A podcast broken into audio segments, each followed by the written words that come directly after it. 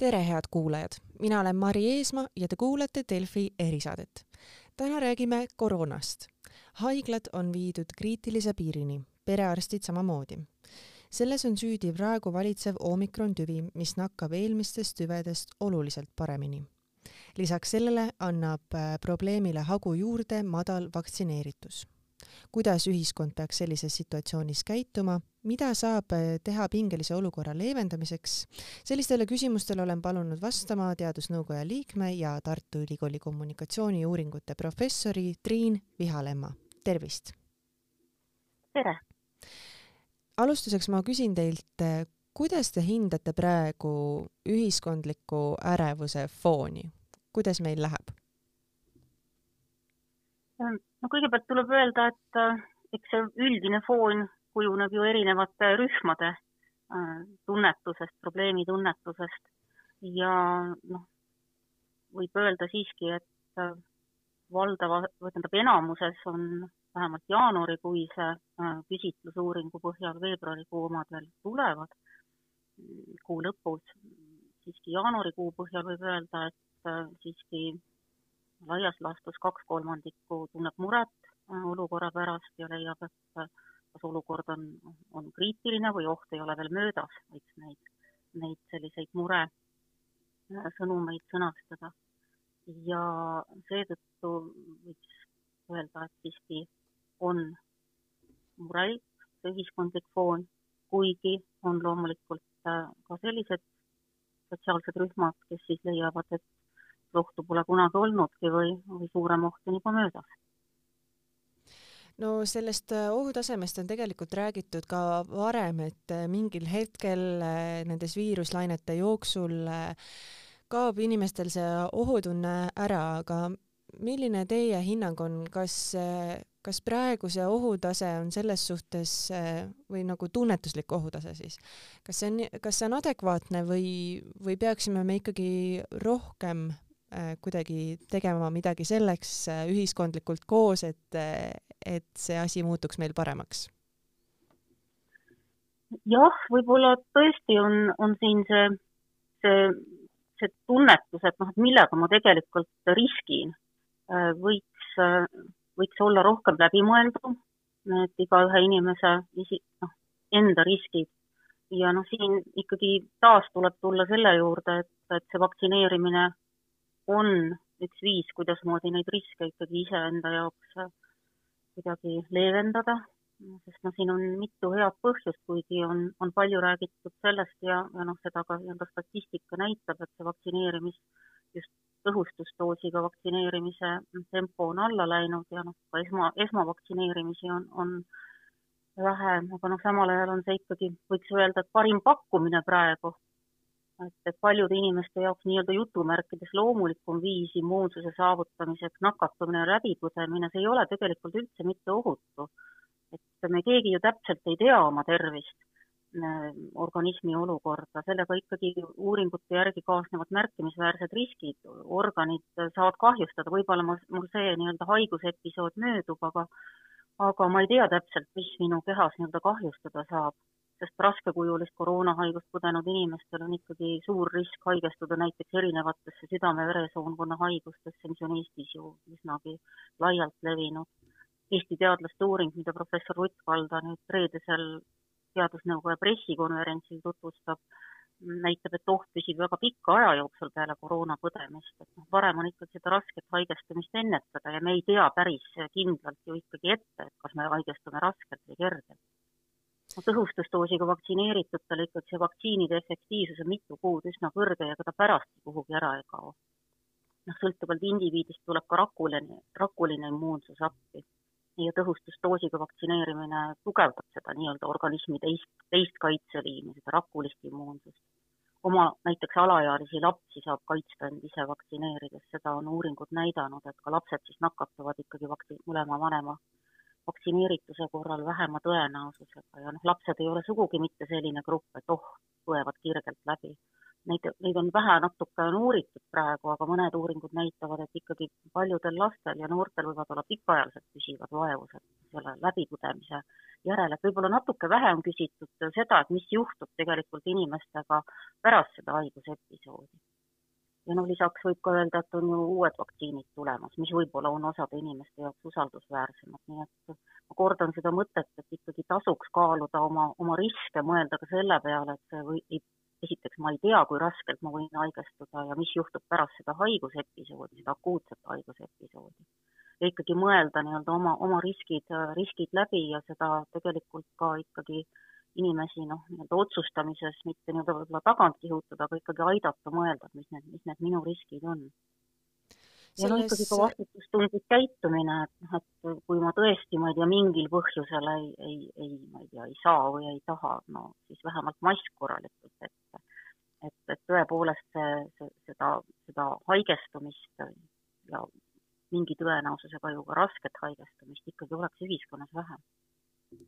selles äh, praegu käimas äh, omikroni laines, äh, selle algusfaasis tekkis ühiskonnas justkui selline arusaam, et omikron on võrreldes eelmiste tüvedega leebem, et hakati kutsuma seda isegi nohuviiruseks. Vaadates aga praegu haigla ja suremise numbreid, siis on aru saada, et see tegelikult päris tõsi ei ole, et haiglas on täna hommikuse seisuga viissada kolmkümmend üks patsienti ja ainuüksi üleeile suri seitseteist inimest, eile üheksa inimest. nüüd minu küsimus teile ongi, et aga kuidas teha inimestele selgeks, et sellesse omikroni tuleb suhtuda tõsiselt, et ja sinna juurde, kas te olete nõus sellega, et siin valitsuse tasemel vahepeal käinud jutt, et äh, võib-olla oleks aeg, aeg äh, koroonapassid kaotada, kas see on pärssinud seda inimeste arusaama sellest, et, et olukord on tegelikult äh, tõsine? no eks see ühelt poolt oli üsna inimlik, et noh, see on ju mingis mõttes hea, et me mõtleme nii-öelda idealistlikult, eks ole, et, et kusagil on mingid head lahendused, aga noh, paraku päriselu on jah, selline, et meil ei ole nagu neid ideaalseid lahendusi, ei, ei ole kusagil peidus häid lahendusi, mida siis meile ei anta ja võib-olla antakse, kui me kõvasti häält teeme. et, et ma selles suhtes olen nõus, et, et võib-olla ikkagi siin peaks olema natuke selline praktilisem ja pragmaatilisem ja möönda tõesti, et, et hetkel ei, ei ole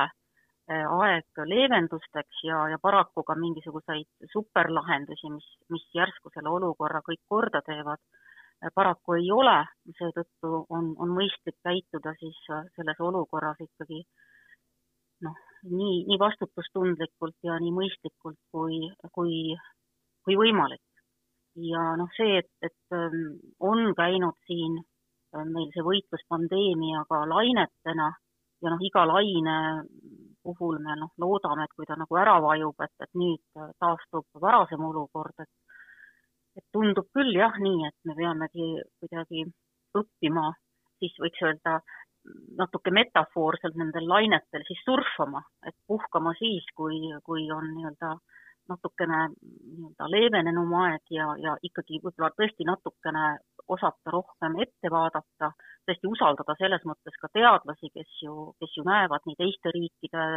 andmete põhjal kui ka noh, niisuguste statistiliste mudelite põhjal, et, et on tulemas ja et Eesti kuidagi imepärasel viisil ei pääse sellest, et selles mõttes jah, rohkem seda niisugust tulevikku äh, vaatamist, äh, ka noh, niisuguste teadustõenditel põhinevate prognooside usaldamist ja ikkagi ka möönmist, et et meil ei ole see, see olukord ei muutu nagu platooks, vaid, vaid ilmselt ongi selline, võiks siis nimetada tinglikult nagu lainetavaks olukorraks ja õppida sellega toime tulema ja siis ka ennast nii-öelda mobiliseerida, kui me näeme, et uus laine hakkab rulluma. seda küll me näeme tegelikult äh, Euroopas ja eriti siin äh, Põhjamaades seda, et äh, piirangutest tegelikult juba loobutakse, aga sinna juurde käib alati see klausel, et nemad saavad seda teha, sellepärast et nende vaktsineerimise hõlmatus on lihtsalt oluliselt kõrgem kui meie oma. Ähm, tegelikult on juba paar kuud meil siin Eestis vaktsineerituse hõlmatus olnud kuuekümne protsendi ringis kuidas teile tundub, miks me ei saa sealt edasi, kas nüüd on tõesti jõudnud kätte see piir, et need, kes on vaktsineerimata, need ongi kategoorilised äh, vaktsineerimise vastased? siiski on, on ka noh, küsitlusuuringute järgi neid, kes on, on veel kõhklevad ja noh, eks ilmselt iga, iga uus kuu ja, ja noh, nii-öelda täienevad teadmised nii hästi äh, viiruse eri variantidest kui ka, kui ka sellest, et kuidasmoodi nad toimivad, annab ikkagi ja noh, see, mida ma ka intervjuu alguses toonitasin, ikkagi need andmed hakkavad alles tulema, need nii-öelda pikaajalised mõjud, et noh, et millega ma siis ikkagi riskin, kui ma nii-öelda pihta saan selle viirusega, et, et siin neid kaalumiskohti tuleb inimeste jaoks juurde ja, ja inimesi, kes tahavad ikkagi teha enda jaoks, kes ei ole siis noh, niisugused väga polariseerunult nii-öelda vastu vaid, vaid pigem tahavad ikkagi enda jaoks seda parimat lahendust ja, ja on ka veel nii-öelda kõhkleval positsioonil, seda rühma on siiski. aga loomulikult äh, kõik sellised, äh, noh, kuidas öelda, mingi ootuselevus, et nüüd me saame olukorra, ma ei tea, lahendatud ja viirus taandub, äh, kõikvõimalikud muud äh, sellised ajutised elevused, eks need loomulikult natukene seda kaalumise protsessi ka noh, nii-öelda segavad ja, ja toovad uusi argumente juurde. et, et selles suhtes äh, siiski mm, nii-öelda täienevate teadmiste, võib-olla ka osaliselt siis võib-olla uute usaldusväärsemana tunduvate vaktsiinide valguses, äh, ma arvan, et meil siiski on võimalus see vaktsineeritute protsent ka saada suuremaks. aga siin noh, nii-öelda täpset prognoosi öelda, et, et millal, millal see nüüd juhtub, on, on raske, sest äh, on ka muidugi inimesi, kes äh, ei, suuda teha sellises väga närvilises olukorras sellist otsust ja, ja lükkavad edasi, et neid nii-öelda edasilükkavaid, edasilükkajaid ja kõhklejaid ja kahtlejaid siiski praegu ühiskonnas veel on, et ma ei ütleks, et meil on, ühiskond on nüüd nii-öelda äh, kuidagi jäik ja paigal ja, ja enam, enam siin midagi ei toimu. ühiskond on ikka dünaamiline. ma küsikski teilt äh, lõpetuseks äh, selle kohta, et äh, kas te oskate iseloomustada, et või kirjeldada, milline, millised on nii-öelda keskmised inimesed, kes on vaktsineerimise vastased ja kes on sellised, kes veel kõhklevad? milline on nende profiil? Näiteks rühm, kes on siis noh, võiks öelda, et äh, et nagu nakkuse võimaluse suhtes võib-olla mõõdukalt muretu, samal ajal noh, võiks öelda, et kriisist ikkagi kurnatud ja, ja noh, loodab, et olukord läheb kuidagi paremaks, sellepärast et halb on juba küllalt pikalt olnud. Mm, et nad ikkagi, mm, nendest siis osa, osa alles kaalub, kas vaktsineerida või mitte, osa, osa sellest rühmast on ju tegelikult ka vaktsineeritud. ja, ja ne, selle rühma liikmete seas on siis umbusku viiruse kohta käiva info suhtes ütleme vähem kui, kui sellises rühmas, kes on nagu väga kindlad vaktsineerimise vastu. ja noh, laias laastus võib öelda, et iga kolmas usaldab ka noh, arste ja teadlasi, et noh, pigem on siis võib-olla jah, tõesti sellise parema, parema, selgema, personaliseerituma kommunikatsiooni küsimus. ja noh, nad on tõesti sellest olukorrast nagu kurnatud, on tundnud stressi ja, või, või leiavad, et möönavad, et nende perekonna sissetulek on vähenenud. ja, ja nad praegu selle nii-öelda praeguse olukorraga ja nende meetmetega väga, väga rahul ei ole, aga samal ajal jah, tõesti see küsimus, et mina saan ka kaasa aidata sellega, kui ma, kui ma ikkagi teen selle vaktsineerimise otsuse ära, võib, võib selle rühma jaoks olla siiski nii-öelda teatavas mõttes olukorra rahunedes või, või, või info juurde või võimaluste juurde tulles äh, selline, mis, mis viib ka siis sellise vaktsineerimisotsuseni. ja noh, jaanuarikuiste andmete, küsitlusandmete analüüsi järgi sellist rühma, kellest ma toonitan, et, et nende seas on äh, neid, kes on veel kaalutlevad äh, siis vaktsineerimise otsuse suhtes seda rühma tervikuna on umbes võiks öelda, et neljandik elanikkonnast, kes on siis nagu mõõdukalt murelik, kurnatud ja leevendusi ootav ja noh, nendest siis omakorda noh, laias laastus võib-olla pooled on siis sellised, kes võiksid ikkagi vaktsineerimisotsust veel kaaluda. nii et noh, jah, niisuguse väga ähm, robustselt seniste arvestuste kohaselt võiks neid olla ligikaudu kümme protsenti elanikkonnast, täiskasvanud elanikkonnast. kas ma saan teist nüüd õigesti aru, et selleks, et neid kõhklejaid vaktsineerima saada, Äh, praegu oleks parim lahendus ikkagi neile personaalselt läheneda, et sellist üleriigilist kampaaniat, nagu meil siin eelmisel kevadel oli, et see pigem efektiivne nende puhul ei ole? noh, eks siin peab ka arvestama ju võimalusi, et eks teadlased kipuvad andma jah, selliseid idealistlikke lahendusi, mis on siis tõhusad, aga teiselt poolt me peame mõtlema ka selle peale, et, et noh, et kuidas see personaalne lähenemine siis, siis ikkagi ka noh, reaalselt realiseerub. et Äh, aga noh, ilmselt jah, selline teatav äh,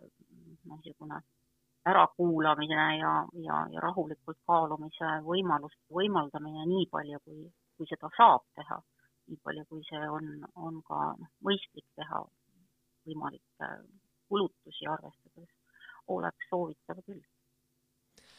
aitäh teile, professor Triin Vihalemm, et selgitasite seda olukorda meile võtke heaks. loodame, et äh, sellest on ka kasu. head kuulajad, selline sai tänane Delfi erisaade, aitäh, et kuulasite ja kuulmiseni